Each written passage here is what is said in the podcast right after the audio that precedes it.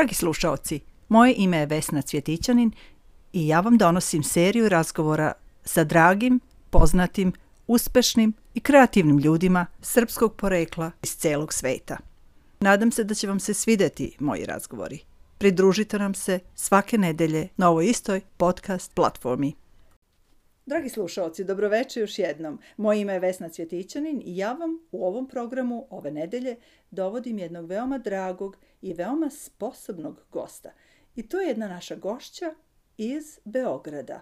Njeno ime je Ivana Ninčić Österle, ali ona je rekla da mogu da kažem Osterle. Dobroveče, Ivana. Dobro veče, Vesna.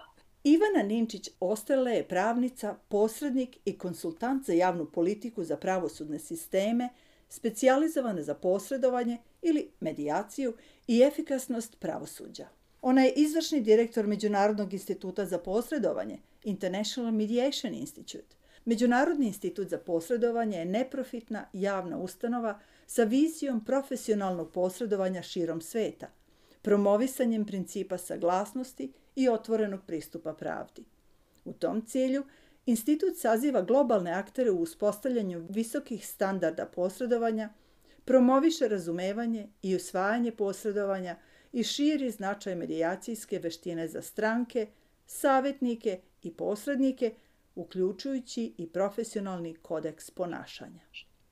Pokrećući otvorenost i vidljivost i visoke standarde stručnosti u posredovanju širom sveta, Međunarodni institut za posredovanje doprinosi na svetskom nivou praksi rešavanja sporova. Pored razvoja sobstvene prakse posredovanja, Ivana je do nedavno bila angažovana na projektu podrške Ministarstvu pravde Srbije u evrointegracijama, u okviru kojeg je radila na osmišljavanju aktivnijeg i stabilnijeg sistema posredovanja, kao i aktivnoj promociji posredovanja u Srbiji. Ivana trenutno živi i radi u svom rodnom gradu, Beogradu, a često putuje u Austriju, gde takođe ima i privatne i službene veze. Pa da mi sada krenemo, Ivana, i da počnemo naš današnji razgovor o tvom detinstvu i odrastanju. Reci nam gde si rođena i kako je prošlo tvoje detinstvo? Pre svega, Vesno, ja bih da vam se zahvalim na ovoj prilici da pričamo, da vodimo današnji razgovor i da, i da imam priliku da se obratim vašem auditorijumu. Zaista, izuzetno mi je čast ovaj, da, da možemo da da razmenimo ovako malo mišljenje i, i da ja eto, imam priliku da pričam o svom životu. Um, pa moje detinstvo, mislim, je bilo, ajde da kažemo, tipično za neko a, dete rođeno sredinom 80. godina. Imala sam, ajde da kažem, čast da, da nisam imala svest o tome šta se dešavalo na našem podneblju tokom svog detinstva. Tek posle, kada sam razmišljala a, o tome kako smo imali neke UNICEF sveščice na, u prvom, drugom, trećem razredu osnovne škole ili kako smo, na primjer, pravili od igračaka za, iz kinder jaja ove, a, kićanke za jelku, sam shvatila koliko zapravo možda nije bilo tipično odrastanje 80-ih, 90-ih na podneblju Balkana, ove, ali kao svaki roditelj, ove, ja mislim da i moji roditelji su se trudili da, da, da, da mi to ne osetimo kao deca. Dakle, mi smo, mogu da kažem da sam imala a, donekle atipično odrastanje na početku jer smo e, dosta putovali. Moj otac je dosta imao saradnju ove, sa inostranstvom, tako da je moj prvi interkontinentalni led bio za tri godine u Ameriku A eto, posle toga se desilo i to da, da, da, smo, da su moji roditelji nakon mnogo, mnogo razmišljanja i premišljanja odlučili uh, 95. godine da ipak naprave taj veliki korak i presele se u Kanadu, u daleku Kanadu. da, i to je bilo baš u ona burna vremena, a što ti kažeš, možda se kao da. dete nisi ni suočila sa tom istinom koja se u stvari tamo dešavala na Balkanu i u Srbiji.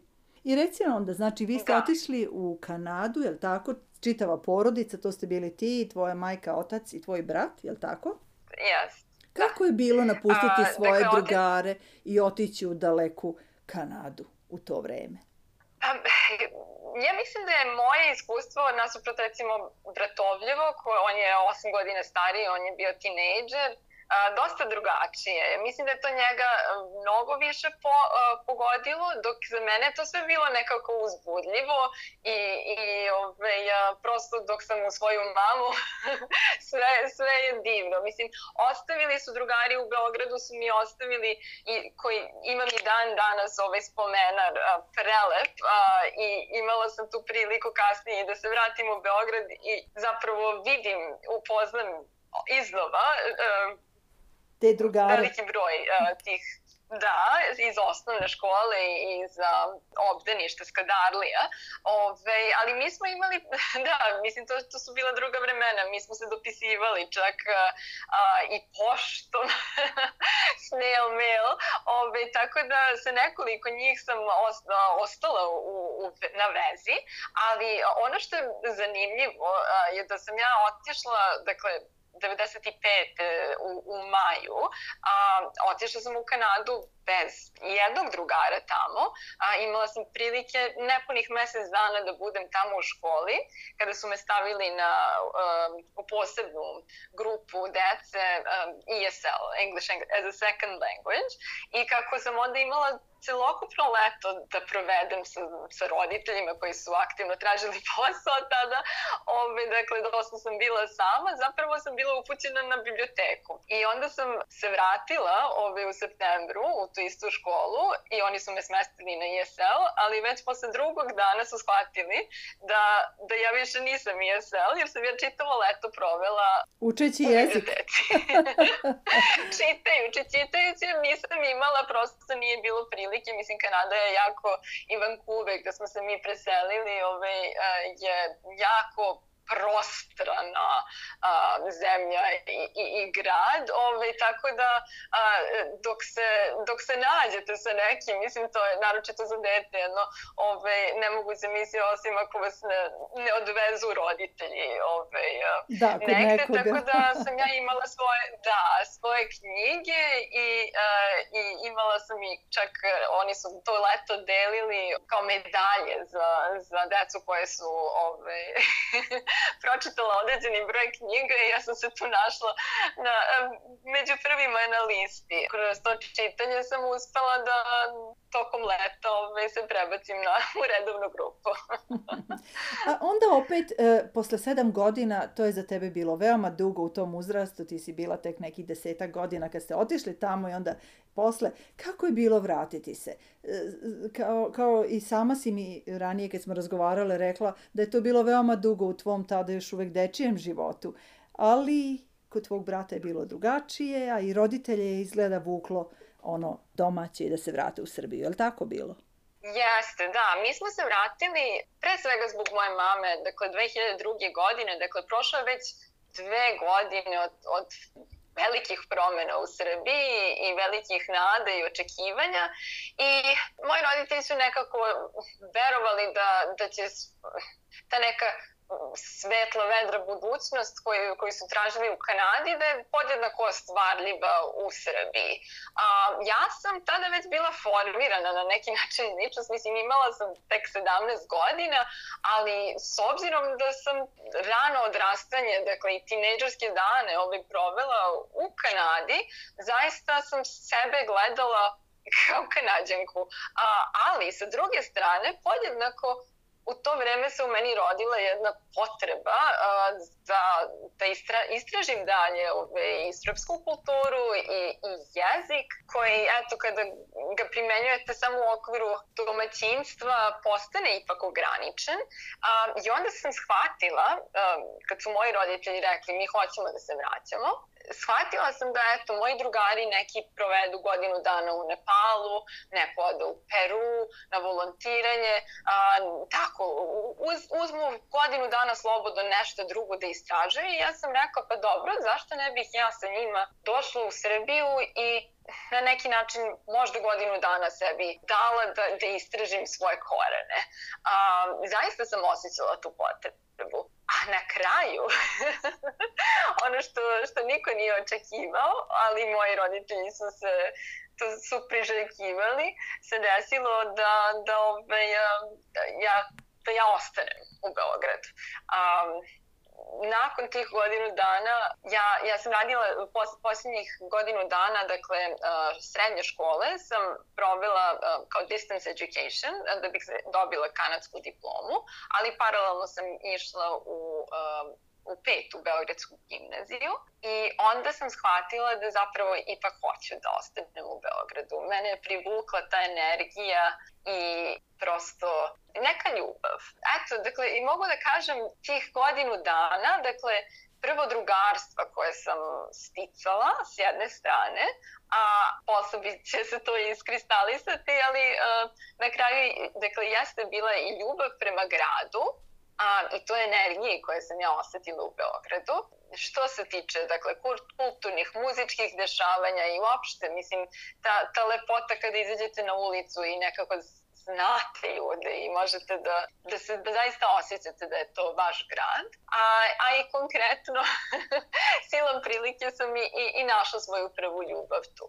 Tako da me to nekako To je rezultiralo uh, između ostalog da ja upišem u Beogradu fakultet na iznenađenje velikog dela mog, moje porodice. neka, A, neka. Kao što rekoh, na, na, da, nada, ovaj, to je bila nada da pre svega moje majke, ovaj, da ću ostati u Beogradu, a, a ne da se vratim, pošto moj brat ostao u, u Vancouveru. Ivana, u ovom delu razgovora bih volila da nam kažeš meni i našim slušalcima o tvojim studijama prava u Beogradu i o tome kako je bilo ponovo počinjati na srpskom. Znam da si mi već malo i pričala o tome, ali ipak kako je bilo pravo je sve u vezi sa jezikom. Znači, trebalo je dobro znati, a ti si ipak poslednje godine osnovne škole, srednju školu završila na engleskom. Ajde nam pričaj malo o tome. Kad bih rekla da je bilo, la, da je bilo lako, zaista bih laka, lagala. Ove, ja sam zapravo uh, dosta Ćirilice zaboravila tokom boravka u Kanadi. Dakle, ja sam završila jedva završila tri osnovne škole um, i moji su se zaista trudili uh, iz petnih žila da me motivišu da, da nastavim da, i da pišem i da čitam Ćirilicu, ali negde i tokom tih tinejdžerskih dana i svih ostalih uh, zanimanja koje sam imala, uh, prosto to je malo palo u zaborav. Tako da uvod u pravo koje je bilo na Ćirilici je meni bila, uh, moram da priznam, i um, knjiga za uspavljivanje. Ja sam gotovo srcala, dakle, tih prvih par meseci, ovaj, a, zaista u, u pokušajima, dakle, da, da prolazim kroz te pasuse, dok rec, rec, recimo ovaj, a, rimsko pravo koje je pisano na Ćirilici, sam čitala mislim, bukvalno sa velikim zadovoljstvom i, i zato sam i, to je jedan od prvih ispita koje sam položila sa desetkom i bilo mi je mnogo lakše. A ja sam para, dakle, pored srpskog sam morala i da učim latinski, da po, položim taj jedan diferencijalni, zato što u Kanadi, za razliku od srpskih gimnazija, prosto nije bilo latinskog kao, Predmet, kao osnovnog da da, je predmet, yes. da. -hmm. A svakako ove, to je osnova i kako prava i tih svih pravnih latinskih izreka Izraza. koje i dan dan da. koristimo. Naravno. Da, tako da nije bilo lako ni, ni zbog jezika, a ni zbog odnosa prema, prema učenju. Dosta je drugačiji sistem obrazovanja u Srbiji dan danas, iako u poslednjih uh, da kažemo, deset godina je i naš fakultet prošao veliku promenu bolonski proces, um, ali taj uh, sistem prvo, dakle, ja sam otišla od sistema gde sam obraćala se nastavnicima sa ti, mislim, iako na engleskom nemate ti vi, ali, ali to je bio pristup, prosto svi smo bili nekako jednaki, a ovde sam postala samo broj. Tako da je to bilo jako teško, ali upornost naravno, naravno. nije izostala, a, tako da već na drugoj i trećoj godini je se nekako sve sleglo i, i zaista sam počela da uživam u, u, u, u svim predmetima. Jeste, jeste. Da, Ima pravo, nešto da. posebno. Ali ja bih jako volila da čujem o tome kako si se opredelila posle završe, završetka pra, studija prava i postala tako uspešna u oblasti medijacije ili posredovanja. Eh, to bi morala da kažem, dakle, da se vratim možda i u svoje rano detinstvo, ta neka potreba od, od mladih mnoga da, da uspostavljam neku harmoniju, da težim ka harmoniji, da mirim i dru, drugove u klupi, a, a i u porodici svoje. A, prosto to je bila neka potreba koja se javila u meni i kada je jedna profesorka i advokat iz Amerike došla i, i držala nam uh, kurs o medijaciji i pregovaranju, to je bilo na drugoj godini mojih studija, ja sam rekla ovo je za mene. E sada, paralelno, uh, da, da, da, paralelno sa tim uh, se i rodio taj prvi srpski zakon o medijaciji i ja sam to aktivno pratila, iako, nažalost, u advokaturi na mom prvom poslu, a, posle diplomiranja, prosto toga nije, nije u tom trenutku bilo. Ali, e, mislim, i povratkom u Srbiju sam ja uvek želela da da ne budem nekako samo korisnik sistema i, i, ove, ovaj, da, da čekam nešto da mi bude servirano, nego sam zaista htela na neki način i ja da doprinesem. I zato sam iz, iz petih žile i borila da, da, ovaj, da menjam taj sistem u, u kome živimo. I to me nekako i dovelo do, do posla koji ću kasnije obavljati ovaj, u Ministarstvu pravde, a to je dakle reforma zapravo sistema medijacije i promocija medijacije kao takve. Želim samo da kažem da je u stvari to zbog toga i zbog medijacije e, smo se i upoznali, zbog tako smo se našle na, preko interneta, je li tako? Jeste, da. Medijacija spaja zaista, to je i neverovatna i predivna stvar u vezi, u vezi te oblasti spaja ljude širom sveta, spaja, neki vole da kažu spaja nespojivo, zato što u, uvek možete, znači, korišćenjem tih posebnih veština, korišćenjem a, tog procesa, dakle određenog načina gledanja na, na svet i na, na, na konkretni Suko, slučaj, a, da, da. vi možete da, da stvarate nešto što, što inače ne, ne biste ni, se ni nadali da može da, da postoji. Jeste, veoma jedna plemenita a, oblast života i, i prakse. Da, da. I, i to je ta, ta nit koja, koja me vuče i motiviše da se bavim tim poslom. I ja ti čestitam na tome, zaista si uspešna i zaista si prebrodila si mnoge prepreke i sada si postala izvršni direktor te međunarodne organizacije za medijaciju i ako možeš samo u par rečenica da nam kažeš kako si upoznala svoga supruga. On je e, odatle tvoje prezime Österle, je li tako? On je iz Austrije. Jeste, e, mi, mi se šalimo malo ove Osterlić, ali je zapravo Osterle i Osterreich je, je Austrija na, na nemačkom, a, a moj otac ga zove Westerle, zato što je on sa zapadnog dela Austrije, a, a Oster je zapravo istok. Istok, da, da. da. Uh, pa ovako, mislim, Saša, uh, moj suprug, koji, koji po imenom uh, i, i likom bi mogao da bude sa naših prostora, je došao poslom, poslovno, dakle, u Beograd i tako smo se i upoznali igrom slučajeva. I ja sam u tim nekim prvim našim interakcijama se uvek šalila, pa dobro, mogla bih ja da te zastupam, pa da, da. mislim, razmisliti ko tebe zastupa, ali hvala Bogu, ovaj, nismo uspostavili poslovni odnos, već uh, divan uh, porodični i eto ima sada više od 6-7 godina uh, od kad od kako smo ste zajedno, zajedno. Da, da. Evo, u, u trećoj godini smo braka na kraju nenadano, ja kad, kad smo pričali na početku naše veze gde ćemo da živimo, on je došao da živi u Beograd i ja, to je bilo kondicio sine qua non. Dakle, Aha. prosto uslov bez kojeg se ne može. Ja sam rekla, ja sam odavde i ja, ja ne vredam, ali um, život me je demantovao i ja sam mnogo promenila ovaj, svoje gledanje na, na, na svet i na, i na pristup e, pre svega svojih potreba i porodičnog života, tako da trenutno zapravo živimo između Beograda i Austrije. Vidjet ćemo kako će biti za u buduće, ali ovaj, ono što je divno jeste da zapravo je, distanca nije veliki problem. Um, za, za te dve zemlje. Odlično. Za razliku od situacije sigurno ovaj, evo, dakle i Kanada gde moj brata ove, je mnogo dalje i, i teže je da, da se živi na ovaj način na koji smo se mi opredelili da živimo. Hmm, neka, sve je to lepo. Dragi slušalci, moj večerašnji gost, koji sam sa velikim uživanjem slušala, verujem i vi, je Ivana Ninčić-Ostele. Ivana, pošto je ovo program o kulturi i umetnosti, reci nam koju si temu odabrala da, mo, da nam o njoj govoriš. Ja znam da, smo, da si ti pomenula uh, jedan film, pa ajde reci nam o tome.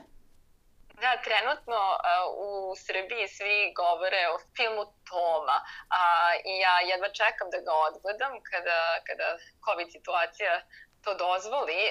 Prosto Tomine pesme i, i ta emocija koje izazivaju uh, je nešto što uh, je zaista velika asocijacija na Beograd i na Srbiju. I, i ja se nadam da će vaši gledalci imati uskoro prilike da, da odgledaju ovaj film a, a izabrala sam pesmu Danka uh, upravo zato što, zato što ona je pro, prožvata tom emocijom koja je Toma uh, Toma punio i kafane I, i, kad je on lično pevao a, a i ove, a, ja mislim kafane širom sveta ove, kad, kada se puste njegove pesme. Imala sam priliku da odslušam i njegovu uh, suprugu, bivšu suprugu Udovicu uh, uh, koja živi u Kanadi i prosto uh, shvatila sam da, da redko ko može da ostane nem i, i nepogođen uh, emocijom koju on, koju on ostavlja. Tako da ja se nadam da, da će vaši slušalci imati isto prilike kao i ja uskoro da, da odgledaju taj film. Hvala ti puno Ivana. Hvala ti još jednom na vremenu koji si posvetila mojoj emisiji Srbija u mom srcu. E, slušali smo te sa zadovoljstvom. Dragi slušalci, ovo je bila Ivana Ninčić-Osterle, jedna mlada, uspešna, perspektivna devojka. I da završimo u rečenici, šta bih htela da nam kažeš? Ja se nadam da, da ću ja imati priliku da posetim Australiju i da upoznam vaše slušalce, odnosno da razvijem načine na koji možemo da se povežemo i stvaramo nešto lepo zajedno. E, to bi bilo divno. Dragi slušalci, to je sve što imamo, za čega imamo vreme u današnjoj emisiji. Ja vas srdačno pozdravljam. Ovo je bila Srbija u mom srcu za ovaj utorak. Čućemo se opet sa novim lepim programom sledećeg utorka. Doviđenja!